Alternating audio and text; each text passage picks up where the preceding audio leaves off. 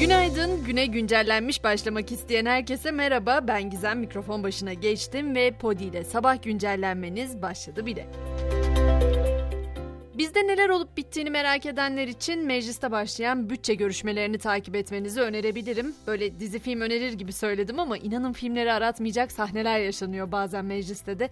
Mesela dün CHP lideri Kılıçdaroğlu kürsüdeydi. Uyuşturucudan kara parayla mücadeleye geniş bir yelpazede yaptı konuşmasını. O konuşma sırasında da tartışma çıktı, ortalık karıştı, milletvekilleri birbirinin üzerine yürüdü. Kaçırdıysanız bile üzülmenize gerek yok zira bu bütçe görüşmeleri, bütçe maratonu kesintisiz 12 gün devam edecek.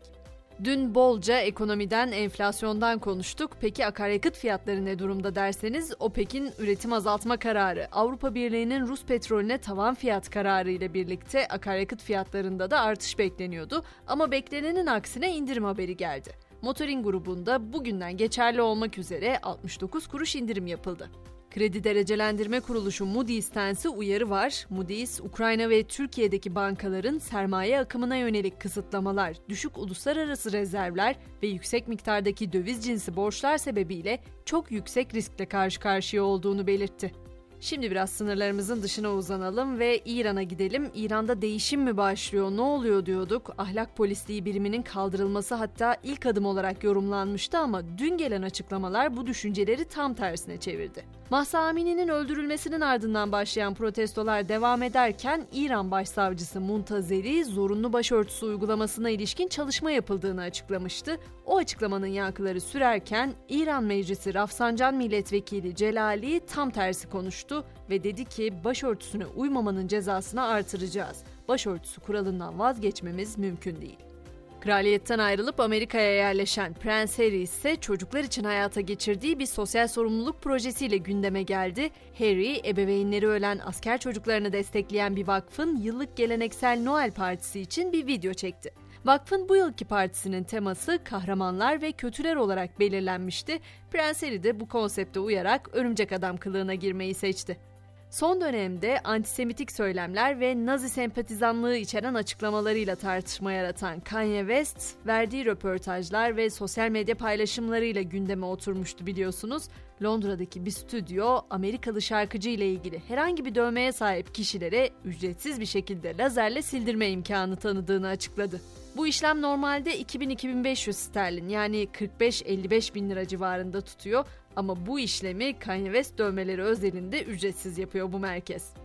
Teknoloji ve dijital gündeme damga vuran haberlerse ard arda Çin'den geldi. İlk olarak Apple Çin'deki üretimi Hindistan ve Vietnam'a taşıma kararı aldı. Wall Street Journal'a göre teknoloji devi şirketin en büyük tedarikçilerinden biri ve Çin'deki dünyanın en büyük iPhone fabrikasının işletmecisi olan Foxconn'dan uzaklaşmak için üretimi Hindistan ve Vietnam gibi diğer Asya ülkelerine kaydırma çabalarını hızlandırıyor. Bir başka haber ise Çin'in ayda nükleer enerji santrali kurmayı planladığı yönünde. Uzay yarışına hazırlanan Çin'in ay hakkında çılgınca fikirleri var.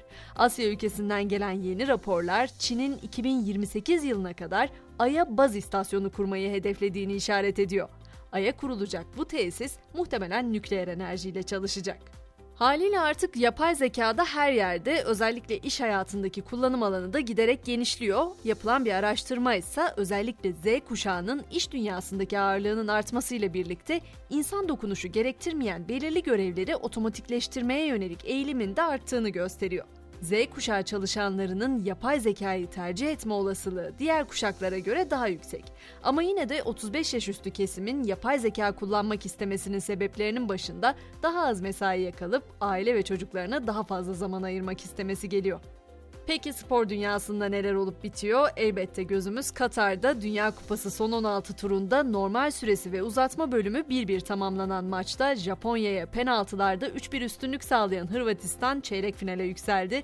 Brezilya ise Güney Kore'yi ilk 45 dakikada bulduğu gollerle 4-1 yendi ve sambacılar çeyrek finalde Hırvatistan'ın rakibi oldu. Kupada bugün artık son 16 tur maçları tamamlanacak. Saat 18'de Fas İspanya maçı, 22'de de Portekiz İsviçre mücadelesi oynanacak.